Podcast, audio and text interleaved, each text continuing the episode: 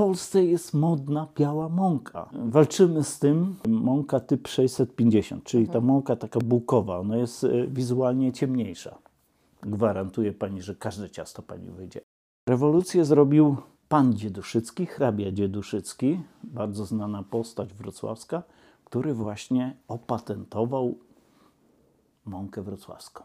A są ludzie, którzy odkrywają tą mąkę jęczmienną i przychodzą, panie Irku, mam chleb wreszcie wilgotny, nie kruszy mi się. Ja przyjmując próbki, e, na przykład e, rolnik chce mi zboże sprzedać, proszę go, żeby przywiózł e, próbkę tego ziarna, wtedy zabieram ją, oddaję do profesjonalnego laboratorium Cześć, nazywam się Kasia i witam Was w podcaście Gospodynie, w audycji, poprzez którą chciałabym zainspirować Was niezwykłymi historiami i drogą do sukcesu tych, którzy odważyli się tworzyć biznesy na wsi. Tej naszej przestrzeni spotkamy się z wyjątkowymi kobietami i mężczyznami, którzy opowiedzą nam, jak spełniają swoje marzenia, a pasje przekuwają w prężnie działające firmy. Razem odczarujemy polską wieś. Zapraszam do słuchania.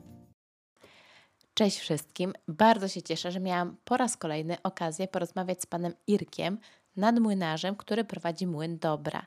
Jeżeli nie słuchaliście poprzedniego odcinka, zapraszam Was serdecznie na jego odsłuchanie, a tymczasem zapraszam Was na odsłuch już drugiej naszej rozmowy, gdzie dowiecie się bardzo wiele na temat samej mąki, procesu produkcyjnego, ale też poznacie wiele ciekawostek i myślę, że to będzie dla Was naprawdę bardzo interesujący odcinek. Zatem do usłyszenia. Cześć. I zaczynamy od młynów parowych. A co z tymi młynami parowymi tak naprawdę było? to pani powiem tak.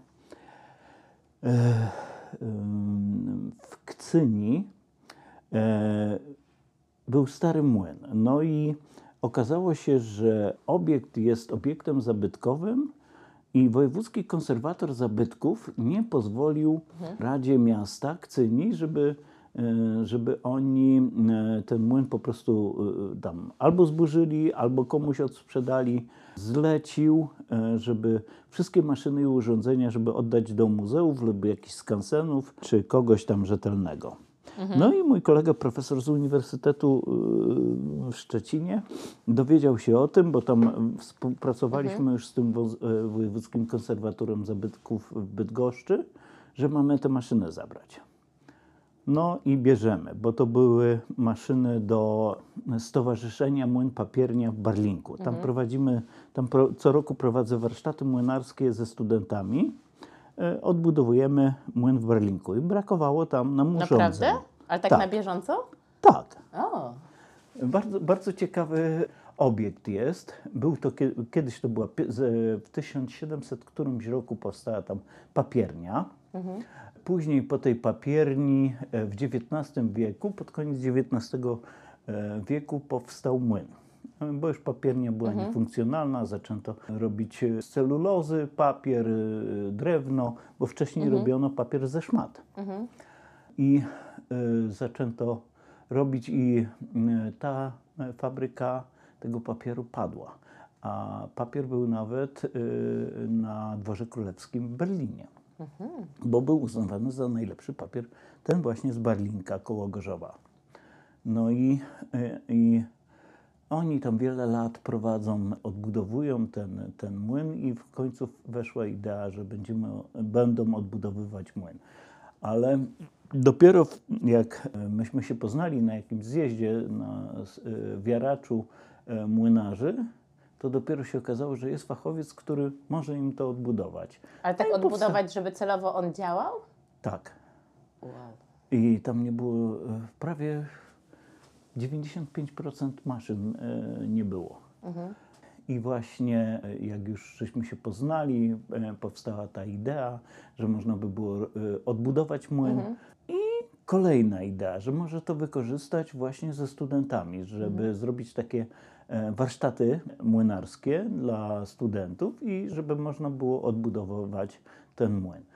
No i tak też się stało. To już trwa chyba ze 6 lat. Co roku tam jeżdżę do Berlinka, zawsze latem, e, albo kilka razy w maju, e, później lipiec, sierpień, wrzesień i pracujemy po prostu ze studentami. Najczęściej są to dziewczyny.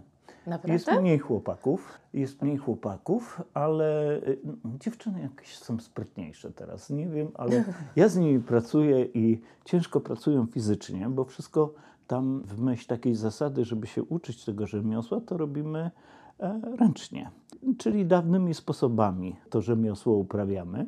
Ale to jest tak, że to są studenci y, młynarstwa? Nie, e, to są studenci różnych A, różnych e, kierunków. Najczęściej tam są e, studenci architektury. Aha. Ale to jest świetne takie, e, wie pani, zetknięcie z czymś żywym, Mhm. E, że ci młodzi ludzie mogą pracować, tak? E, Taki później pan inżynier, magister będzie wiedział, jak używać piły, e, jak coś tam zrobić, gdzie przewiercić, gdzie zrobić jakąś kotwę, żeby przytrzymać ścianę, bo on to na żywo e, robił. A, a większość teraz, nawet y, są zajęcia wirtualne, bo jednego roku podczas pandemii powiedziano nam, że y, przecież my możemy sobie zrobić takie online zajęcia i, i tego. To ja mówię, to jak? E, chciałem przekląć już.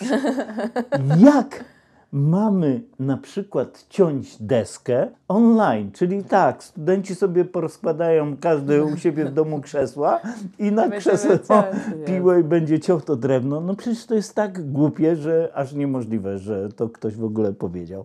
Zajęcia się wtedy odbyły. Było niewiele osób, ale same dziewczyny przyjechały. A, przyjechały. Przyjechały. Wytrwałe. E, e, z większością tych osób się przyjaźnie. Mhm. To są młode osoby.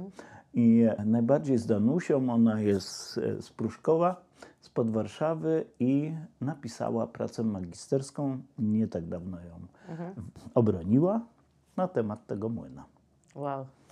Na temat właśnie tego młyna, jak go można jeszcze przebudować, e, jak można wokół tego młyna zaaranżować poszczególne budynki i tak dalej, tak żeby można było go e, przygotować e, dla turystów, dla zwiedzających, organizować jakieś zajęcia, czy jakieś inne rzeczy, które by po prostu rozpowszechniały ten młyn, no i taki sposób też zarobienia pieniędzy, i żeby można było ten obiekt utrzymać. Utrzymać. Mhm. E, No, to w ten sposób.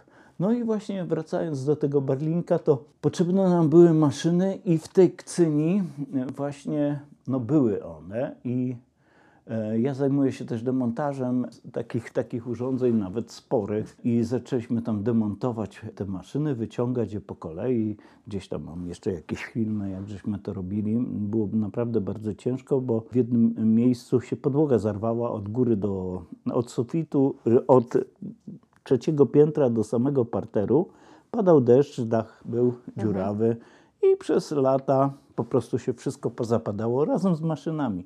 I te maszyny trzeba było wyciągnąć z piwnicy, nie mając nic nad tym. Nie? No i musieliśmy bardzo ostro kombinować. No i e, wyciągnęliśmy sześć maszyn i zorientowaliśmy się, że coś jest z tym młynem, jak to młodzi mówią, kaman. Coś tu nie gra. E, ściany nam nie pasowały. Na zewnątrz widzieliśmy większą jakby bryły, a tu ten. No i odkryliśmy e, za jakimiś takimi płytami, okazało się, że są drzwi. No nie można było wejść. Wywaliliśmy te drzwi, przeszliśmy jedno pomieszczenie, drugie pomieszczenie, jakieś było to wszystko już zamurowane wręcz. I e, było też takie jakieś drzwi, bardzo stare, zamknięte na kłódkę. No chcemy zobaczyć, co tam jest. Ucięłem tą kłódkę, otwieramy, a tam stoi mokomo- lokomobila. Lokomobila, czyli maszyna parowa, Ursusa z 1924 roku. Zabytek absolutny w całości, która ta lokomobila napędzała właśnie młyn. Uznaliśmy e, razem z Tomkiem, że tej lokomobili po prostu nie mogli wyciągnąć. No, ją To zamurowali. ją zamurowali. Obmurowali ściany i, i tak dalej. I ona tam po prostu została. I nikt Wow, to ponad nie 100 pamiętał. lat. No 100 lat. No, 1924. A, no to 100 równo. Ursus. Tak. Teraz nie wiem, co tam się z nią stało, ale ona wciąż musi tam stać, ponieważ Tomasz kombinuje, jak ją ściągnąć, żeby do młyna papierni właśnie ściągnąć tą lokomobilę, żeby można było ją eksponować. Myślę, że może byłoby, by się, byłoby się w stanie ją odrestaurować na tyle, żeby pracowała, bo wyglądała w dobrym stanie. Koło tej lokomobili miało średnicę 3 metry. Ogromne, Naprawdę? ogromne, tak. I, I napędzało młyn, także były młyny parowe, karbitowe, silniki spalinowe w młynach, y, elektryczne, mm, spalinowe to nawet widziałem na wiatraku. Wiatrak był napędzany holenderski spalinowym silnikiem diesla. Wszystko pracowało. Wszystko. A tutaj ten młyn y, czym jest napędzany? Ten młyn jest teraz napędzany silnikiem elektrycznym 24 kW, jeden silnik ma. Młyn y, jest czterokondygnacyjny, wszystkie maszyny i urządzenia są napędzane za pomocą pasów i pędni, przekazywana jest tam moc na każdy ten. Kiedyś y, ten młyn, nie wiem czy wspominałem, pierwsza wzmianka w ogóle o młynie w miejscowości Dobra pochodzi z 1149 roku, to To mówiłem. było, no. I to był młyn wodny, bo to Mhm. by- najpierw powstawały młyny wodne. Większość ludzi myśli, że pierwsze to były wiatraki. Nieprawda. Pierwsze były młyny wodne. Wiatraki dopiero gdzieś e, koło XVI e, wieku Mhm. zaczęto e, budować i, i, i wtedy właśnie zaprzęgnięto wiatr do roboty. Zresztą wiatr jest e, jakby mniej wydajny, właśnie brakowało mi tego słowa, mniej wydajny, ponieważ nie zawsze wieje. I e, są takie miejsca w Polsce, gdzie są te korytarze takie e, wieczne, gdzie one wiecznie tam mielą, ale woda płynie cały czas, a wiatr e, no nie zawsze. No najlepiej to tam nad morzem, na Pomorzach funkcjonują e, te e, wiatraki. U nas e, województwo poznańskie i widziałem, i tutaj też były, na wzgórzach czernickich były wiatraki. 15 lat temu widzieliśmy mapy, jeszcze krążyły gdzieś na internecie, że e, poznaczone były, w których miejscach były te wiatraki i jeden jeszcze ślad po nim jest.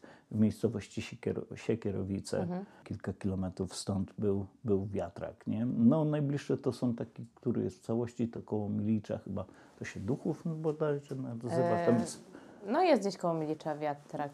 tak, Tylko nie pamiętam Duchów chyba się to nazywa, nie pamiętam. Albo, Albo coś na P. Nie pamiętam teraz, ale wiem, bo byłam gdzieś e, w wiatraku zwiedzać z e, dzieciakami. tak, no nad, warto, nad żeby takie... jeziorkiem, takim małym stawem też. No bo to zaraz powyżej już się zaczyna Wielkopolska. a Wielkopolska to jest kraina, e, kraina jakby wiatraków. e, Wiele tam takich pozostało, ale wiele też się wali. Boże, to jest przez ostatnie kilka lat to jakby ta degradacja e, tych naszych zabytków jakby przyspieszyła. Bo nie było pieniędzy na ochronę tego. Wiadomo, że wszystko szło na obiekty sakralne, bo trzeba sobie powiedzieć prawdę.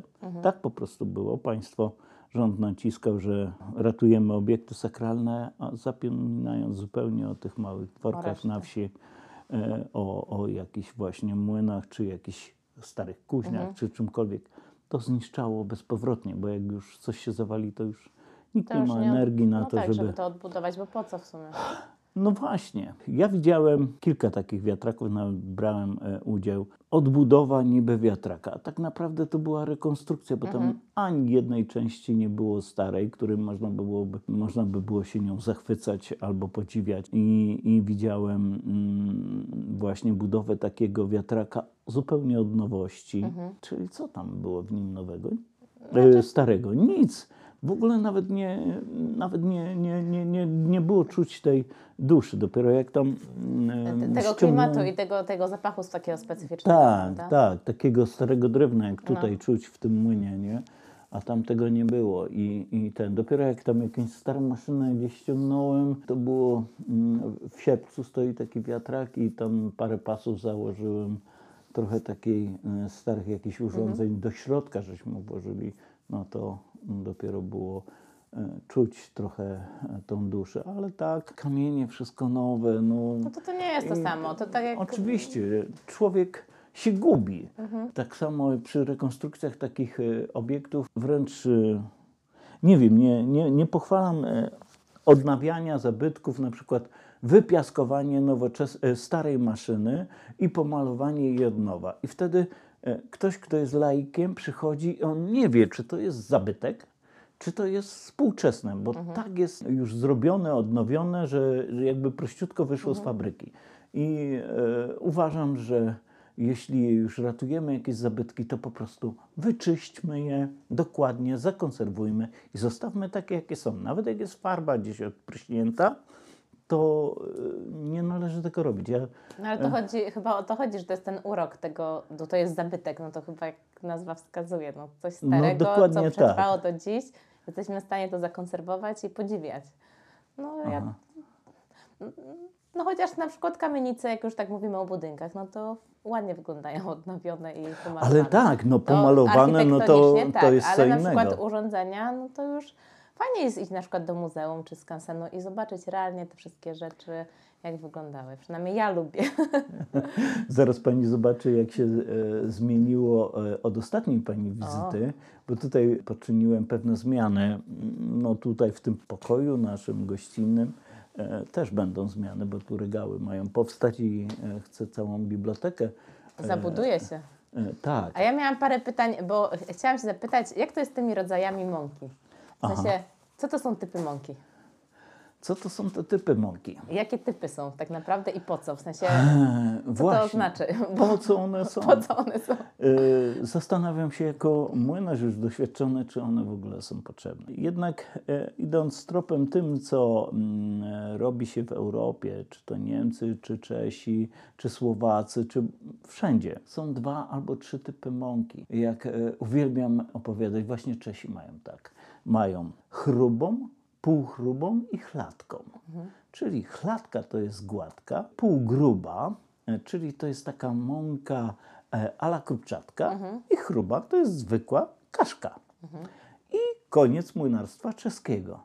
A w Polsce mąka typ 405, 450. Mówimy typami na razie. Zaraz odpowiem, jakie one są. 405, 450. Niektórzy robią 480, 500. 500 siedzieli na poznańską i wrocławską, bo jedna jest gładka, druga jest taka z mąką krupczatką lekko jeszcze się ostrawa. różni to? Tak, musi się różnić. Mąka typ 550, nazywana luksusową. Mąka typ 650, tak zwana mąka bułkowa. Mąka typ 750, e, pszenna, typowo chlebowa. Mąka 850, chlebowa. Mąka 1250, e, pszenna. To taka mąka coś ala sitkowa i mąka 1850 pełnoziarnista. Do tego jeszcze mamy mąkę krupczatkę i kaszę mannę. No dobrze. To jest po cholerę 12. to wszystko potrzebne. Dobra, to ja, panu, to ja powiem panu tak. Ja nie mam zielonego pojęcia zazwyczaj, jak na przykład idę na półkę, co ja mam kupić i nawet nie wiedziałam, że wrocławska się różni od poznańskiej. Dokładnie tak. Nie będę zdradzał, jak to naprawdę jest, żeby to poszło, mm, e, żeby nie poszło w świat. No, ale opiszmy każdy typ, bo ja jestem naprawdę Dobrze. ciekawa. Mąka 405 to No. jest taka mąka, e, bardzo często mówili na nią e, diamentowa, niektórzy śnieżynka, bardzo jasna, gładka mąka, która nie ma w sobie żadnych wtrąceń, niczego, czyli pozbyta jest e, wszelakich mikroelementów, za to jest lekką mąką, stosowana jest w cukiernictwie. I czy jest potrzebna? Ale Niemcy ją produkują, Polacy robią i 405 i 450. Najpierw trzeba wyjaśnić, dla, skąd się biorą te liczby. Otóż przedstawię Pani coś, żeby to wyjaśnić. Dobra. Tu mam akurat. To jest tygielek. Do tego tygielka wsypuje się pewną e, ilość odważoną mąki, powiedzmy tam 10 na e, gram, tak, wsypuje się, wkłada się to do pieca No. o temperaturze e, 900 stopni i wypala się tą mąkę. Zostaje w środku po wypaleniu przez 2,5 godziny, zostaje popiół, czyli spalone mikroelementy. Później się zbiera te, e, ten popiół, waży się go, przelicza się odpowiednio i on wskazuje nam, ile tu było tych, tego popiołu, tych mikroelementów. Na tej podstawie e, określamy typ mąki. Im jest mniej, ta liczba jest niższa, mniej tego popiołu jest, ta liczba jest niższa, to ta mąka jest po prostu jaśniejsza kolorystycznie. Ale też ma mniej mikroelementów. Mniej ma mikroelementów. Im e, e, na przykład e, mąka 500 czy 750 spalamy tą 750, to tego popiołu zostaje więcej. Bo skrobia i wszystko, całe to białko się spalają całkowicie. A części te otrębiaste po spaleniu pozostaje popiół. I na tej podstawie właśnie się określa, czyli to jest ilość e, e, pozostałych minerałów po spaleniu w- e, piecu e, o temperaturze 900 stopni. I tak się właśnie to, to wymyślili Niemcy. W ten sposób, Naprawdę? tak, e, w ten sposób określania typów mąki. I No tak to się określa sz- szok. typ mąki w ten sposób. Nie? Teraz są oczywiście e, urządzenia nowoczesne, e, które za pomocą tam lasera e, prześwietlają nam daną próbkę i one określają od razu nam, jaki to jest, e, ile zawiera tego popiołu ta mąka. E, My generalnie mówimy popiół, młynarze zawsze mówią popiół, e, ale to chodzi o ten typ. I powiem Pani anegdotę. Jak kiedyś pyta się mnie Pani, o co chodzi z tym popiołem, nie? Bo tu mówili w tym kuźniczysku to było, że e, ci młynarze to oni tam niedobrą mąkę robili, nie? Bo cały czas mówi, coś było z nią nie tak, bo oni popiół sypali do mąki, nie? A ja mówię, a skąd to było wiadomo? No bo tam jeden powiedział, że a ile tam popiołu, no to on tyle i tyle ma tego popiołu. No i kobieta skojarzyła, że no po prostu, no popiół. tak, znowu jej ciasto nie wyszło, bo cholera nasypał popiołu. I dopiero jej wyjaśniłem, o co chodzi z tym popiołem tak naprawdę, że, że, że, że to nieprawda jest, tylko po prostu młynarze też mają swój język taki i, i używamy takich sloganów, dlatego to jest między innymi tak tajemniczy zawód. Proszę zaczekać chwilę i A tu jest drugi. to jest dla Pani w prezencie. Naprawdę dostanę? Tak. O, dziękuję. Bardzo urocza rzecz. O, E, Bardzo urocza rzecz. Zresztą e, wiele jest takich e, podejrzeń. Bo Na przykład kiedyś pamiętam też było wiadomo, że my lejemy wodę. Młynarze leją wodę. Do zboża. Tak? E, tak. Dodaje się wody w, w, w czasie procesu technologicznego, aby uelastycznić łuskę. Wtedy ona, e, ziarno wchłonie tą wodę. Oczywiście odpowiednie proporcje muszą być i to musi przeleżakować od tam 12 do, do doby, do 24 godzin. No i kiedyś miałem taką historię w dużym młynie w Oleśnicy, że gdzieś tam chłopaki mówili, a ile tam wody teraz leci, nie? A 13 coś tam procent po- podali, młynarze sobie tam gadali. I kierowca stał sobie z boku i słuchał, co ci młynarze gadają o tej wodzie, że oni tam leją. No i załadowali mu tam chłopaki mąkę do e, mąkowozu, taki specjalny samochód, e, beczka, wsypuje się mąkę luzem do środka. No i pojechał facet do, do, do, do piekarni i nie mógł e, za pomocą e, pneumatyki wydmuchać tej mąki. I skojarzył sobie, a te skór czy wyki? wysynki, skurczybyki, nalali mi wody do mąki. nalali wodę do mąki, ja teraz nie mogę ten. A tak naprawdę to mu się sprężarka zepsuła. no i no i oczywiście za to poszedłem na dywanik do szefa, bo on podkablował, że to na mojej zmianie. Ja jako brygadzista młynarz zmianowy e, mówi, że ten, że wezwał mnie na dywanik, mówi, co, co żeście tam zrobili? Wody nalaliście do, do mąki, nie? A ja mówię, jak to tak powiedział? No, że kierowca. No i nic, tylko się śmiałem, nawet się nie tłumaczyłem. Szef był młynarzem, to od razu wiedział.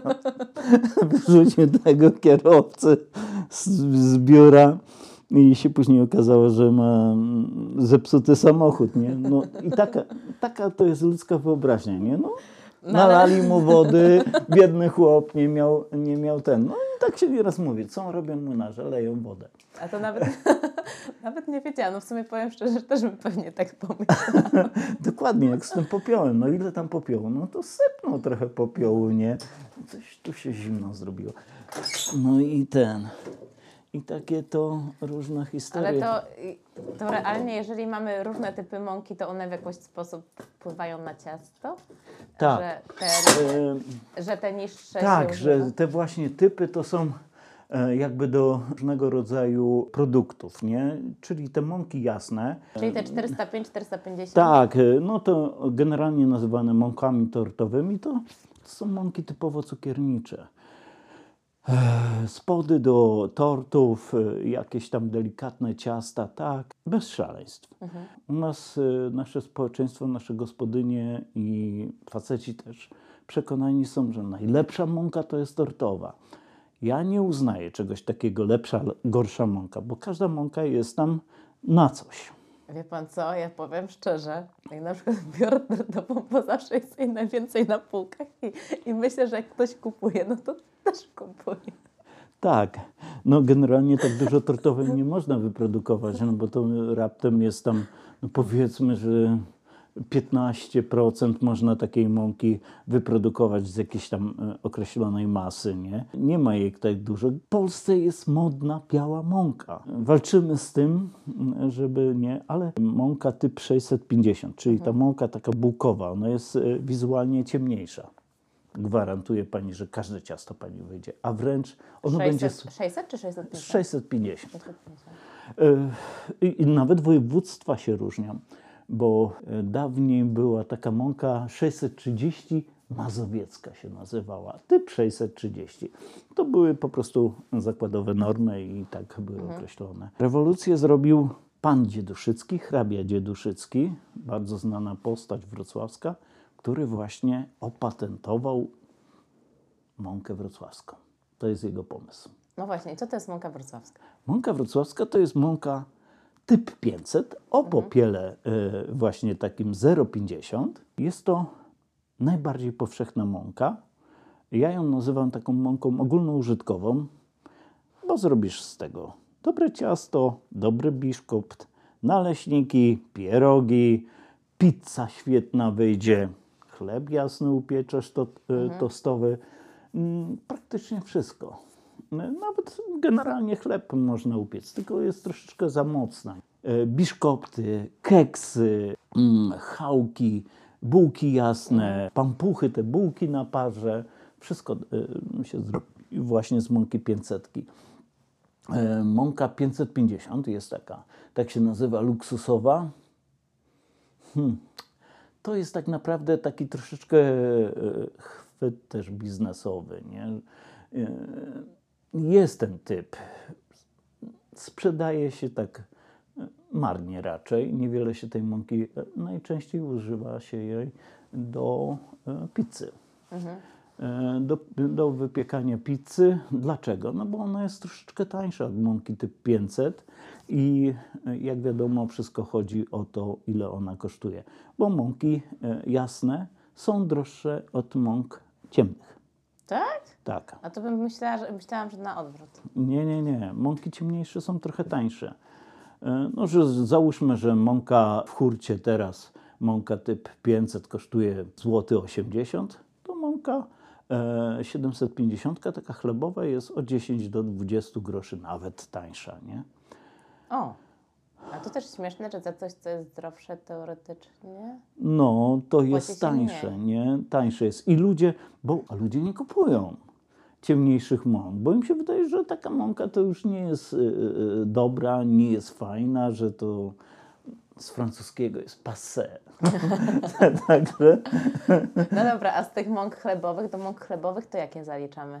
mąka chlebowa to jest właśnie tak od 650, chlebowo-bułkowa e, mąka. Pączki fajne wychodzą z 650, powinno się robić, bo one będą ciemniejsze, ale będą aromatyczniejsze. Tak? E, tak, Pączki? tak. O, I, bo to jest mąka taka typowo na takie ciasta drożdżowe. Dlaczego? Bo ona jest e, robiona jakby z pełnej produkcji. I wszystkie te mąki pasażowe z poszczególnych etapów przemiału, one są w tej 650, czyli jest najbardziej bogata. Tak naprawdę to jest najlepsza mąka, 650, bo jest najbardziej bogata w te wszystkie mikroelementy i w ogóle e, jako e, doskonale się wyrabia ciasto, e, świetnie się to zachowuje. No i, i najłatwiej e, prowadzić produkcję właśnie na takiej 650 w cukierni. Niemcy, Czesi, cała Europa, wszyscy robią 650 na całym świecie, tylko ten rodzaj mąki. To jest e, z, pełnego przemiału wychodzi właśnie typ 650. E, mąka chlebowa 750, no to takie ciemne bułki, chleb, bagietki, te bułki wrocławskie takie, e, margolcie. Mm, 850 to już jeszcze troszeczkę ciemniejsza, kolorystycznie chleb, jakieś tam mm, ciemne, cienkie pieczywa. 1250 piernikowe mąki. Jest coś takiego jak piernikowa mąka? Tak, mąki, e, na pierniki powinno się używać ciemnych mąk. Naprawdę? Tak, i najlepiej żytnia. Bo piernik generalnie robi się na mące żytniej. Ale Powinno, ale już mało kto robi i mało kto wie, że pierniki powinno się z żytniej mąki piec. ciekawe jestem, czy wtedy by mi wyszły. Myślę, że wyszłyby doskonałe. One na początku są twarde, dopiero po e, czterech tygodniach To są te pierniki, które się tak e, trzeba leżakować. Tak, tak, tak. A dawniej w ogóle była technologia robienia pierników, że ta mąka na, naprawdę musiała się zepsuć, czyli ona leżała z pół roku w beczce. Taka była technologia. Urabiali tam jakieś ciasto, wrzucali to do beczki i to przez pół roku dojrzewało w tych beczkach. Tak produkowano. Pierniki? Tak, pierniki. Te słynne. Naprawdę. słynne toruńskie, tak naprawdę. Wow. To jest nie, nie, niesamowite. Zresztą no, taka magia związana z naszym życiem codziennym i z podstawą naszego żywienia, czyli właśnie chleb, czy jakieś bułki, czy takie pierniki, e, ciasta, no to najczęściej ludzie jedli, bo tego mięsa mało spożywano. Mm, e, Tylko wszystko to, co z węglowodanem na, na właśnie mące żytniej przeważnie, pszennej, jęczmiennej mące, owsianej mące. Owsiana mąka była doskonała dla dzieci, bo jest bardzo delikatna. Owiec jest jedynym ziarnem, który uważany jest za lek. Jako leczniczy, tak?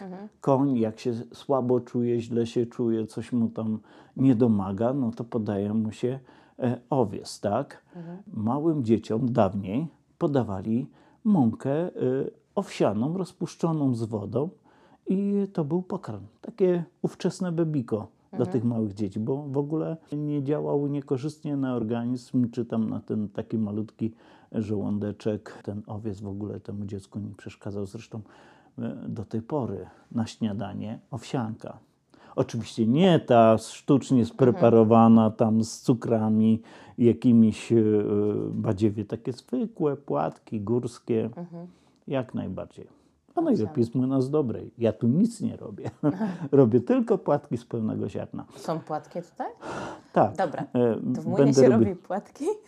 E, Będę też robił płatki. Oczywiście one nie są takie idealne jak e, zrobione w tych mm, fabrykach, tylko mm, rozgniatam e, to ziarno i owiec jest gorzki.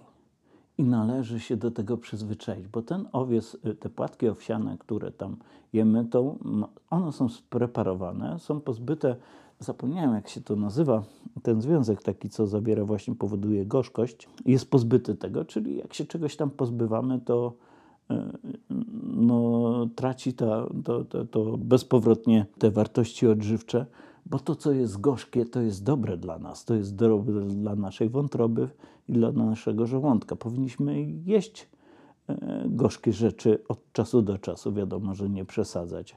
No, nasz organizm się naturalnie broni przed tym, że a, gorzkie, ale niedobre. Ale gorzkie rzeczy e, działają na nas e, leczniczo i owiec właśnie spełnia taką funkcję. Mąka owsiana jest lekko gorzkawa, ale później jak się tam zrobi jakieś bułki, coś tam z, tego, o- z tej mąki owsianej, no to już tą gorzkość trochę traci, ale za to zyskujemy zdrowie, nie?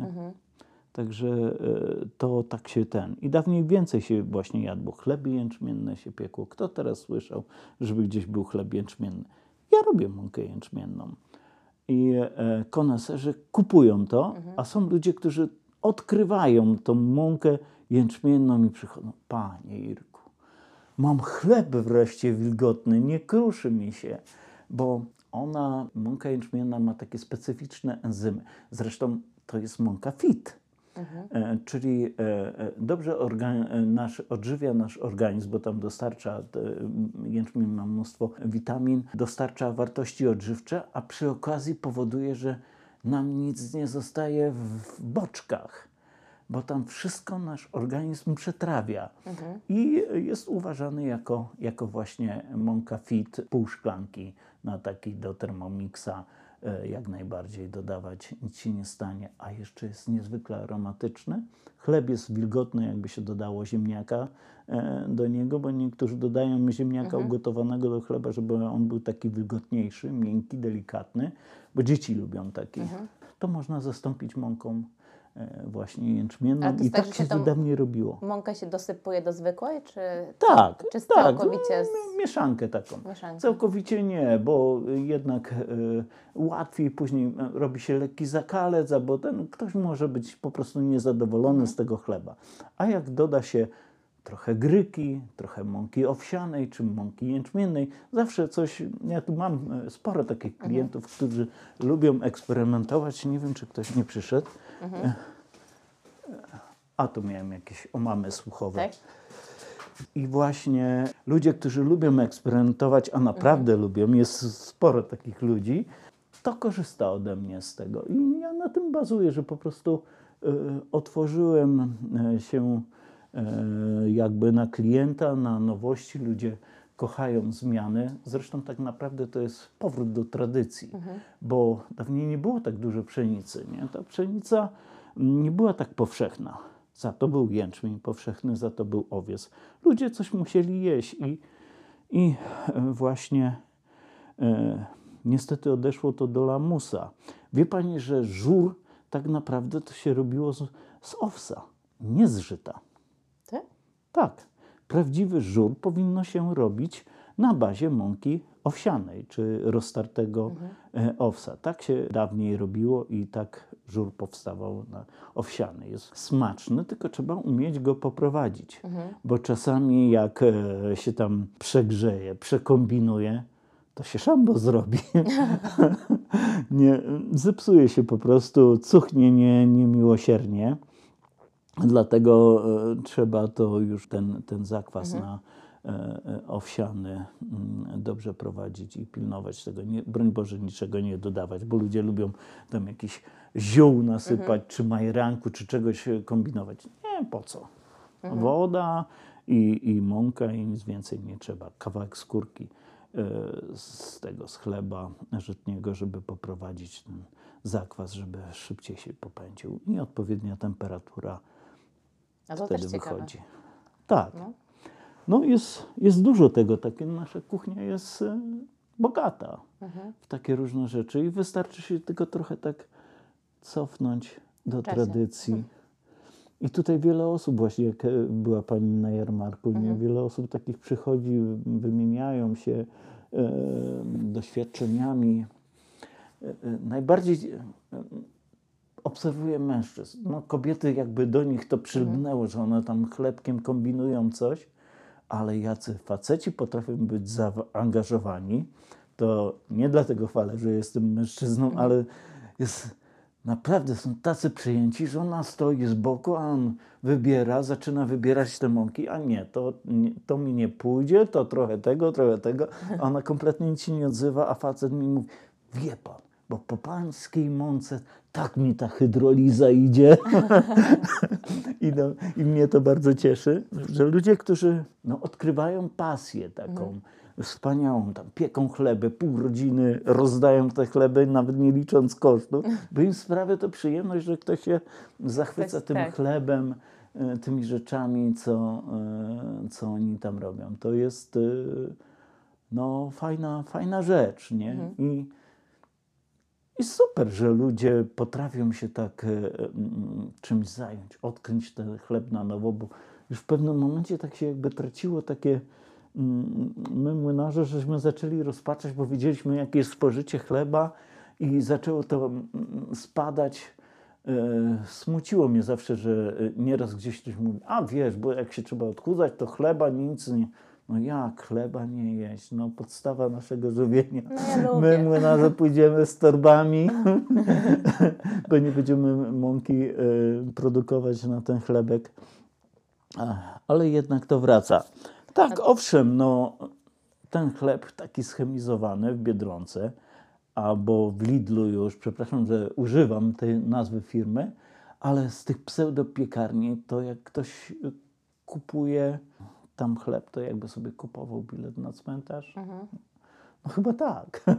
Y, tak drastycznie może powiedziałem, No, no, ale no różni się chleb od chleba, no to bardzo się to różni. są pseudopiekarnie. To jest mrożone ciasto, które leży nie wiadomo jak Mhm. długo.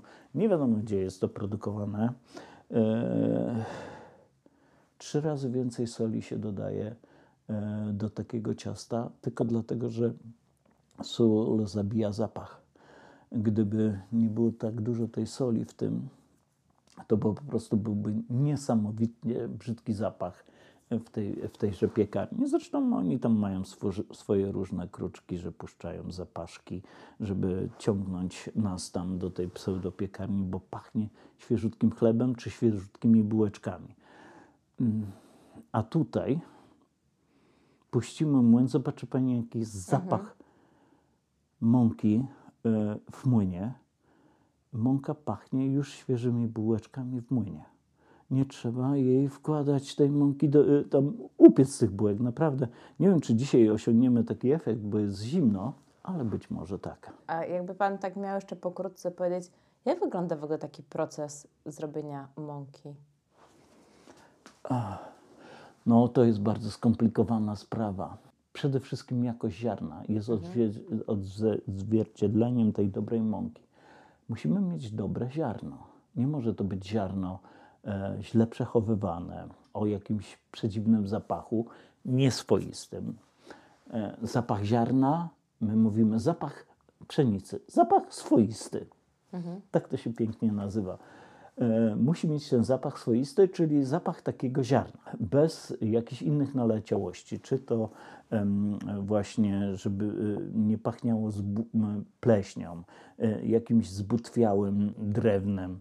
E, tak potrafi też mieć taki zapach. E, Jeśli jest dużo chwastów, będzie też inaczej to ziarno miało inny zapach. Bardzo często źle jest e, zboże przechowywane lub przewożone. Bywa, że e, rolnik przewozi tam jakieś wapno czy jakiś nawóz.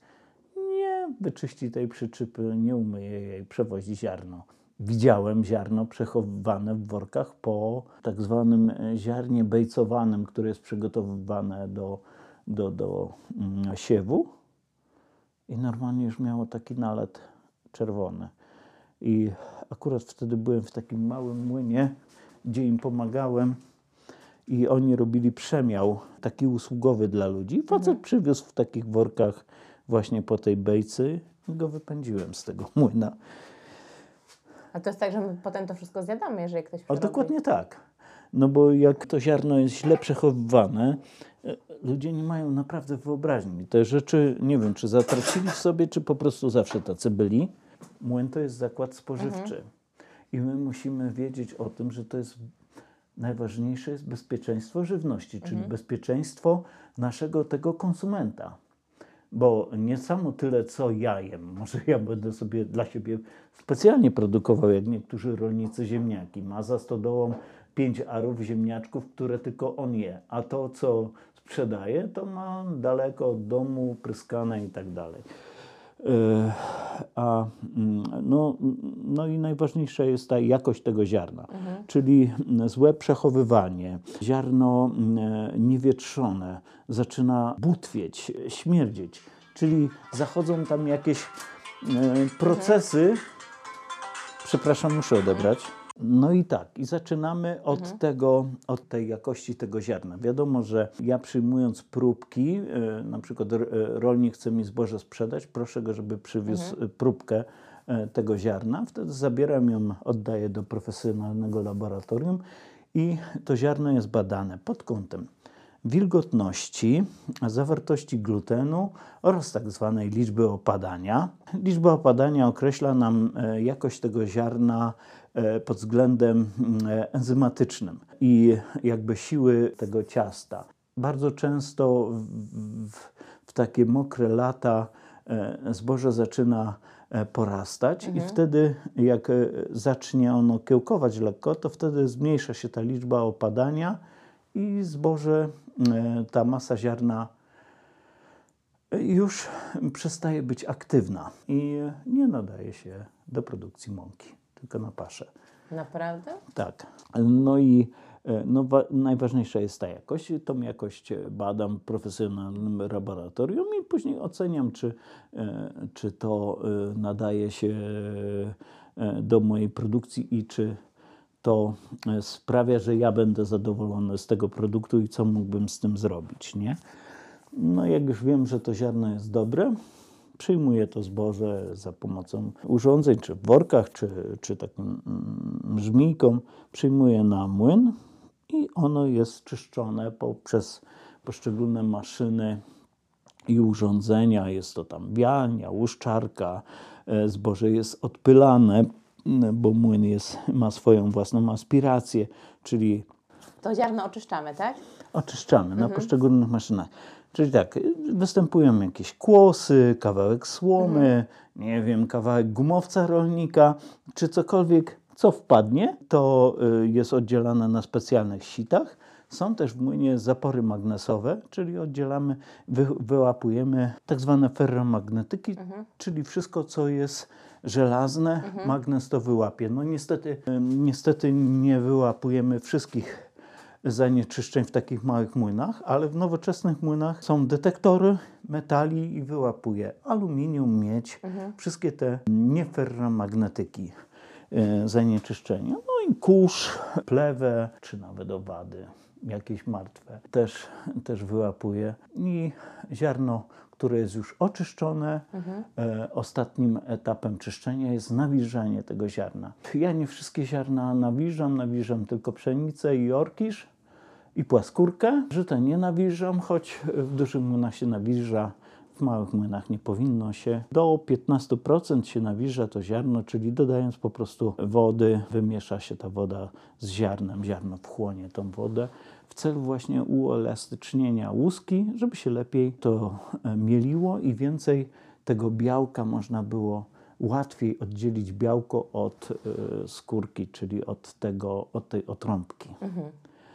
W ten sposób. I wtedy też mąka jest jaśniejsza, lżejsza, lepszej jakości niż ta, która powstaje po zmieleniu całości ziarna, bo wtedy suche takie ziarno to się kruszy, po prostu rozpada. Wielu ludzi twierdzi, że takie jest zdrowsze. No myślę, że nasza technologia młynarska, która e, był, związana była z wynalezieniem walcy młyńskich, czyli około 200 lat temu, no może nawet już ponad 200 lat temu, tu już się nic nie zmieniło. Nic e, nowego nie wymyśliliśmy, żeby, żeby e, jakoś usprawnić, ulepszyć albo zmienić całkowicie technologię. Lekko tam ulepszyć tak, e, no bo wiadomo, że urządzenia są sprawniejsze, lepsze, mo- mocniej, wydajniejsze. No i to tyle. No ważna jest po prostu jakość. Wypadkowa ziarna, jakie jest ziarno, taka powstaje mąka. Młynarz już właściwie nie umie zepsuć e, produkcji tak, żeby ta mąka była niedobra nie? do produkcji. Najczęściej to po prostu trzeba najpierw puknąć się e, tak zdrowo w serce, czy się wszystko tam dobrze zrobiło, jak się piecze. Jak jest mąka dobra, to nie jest się w stanie nic. Wszystko powinno wyjść. Najwyżej ktoś coś po prostu źle zrobi. Nie? Jak to e, mój kolega opowiadał świętej pamięci, mówi, że wiesz, mojej żonie tam nigdy nie wychodzi, mówi, że mąka jest niedobra.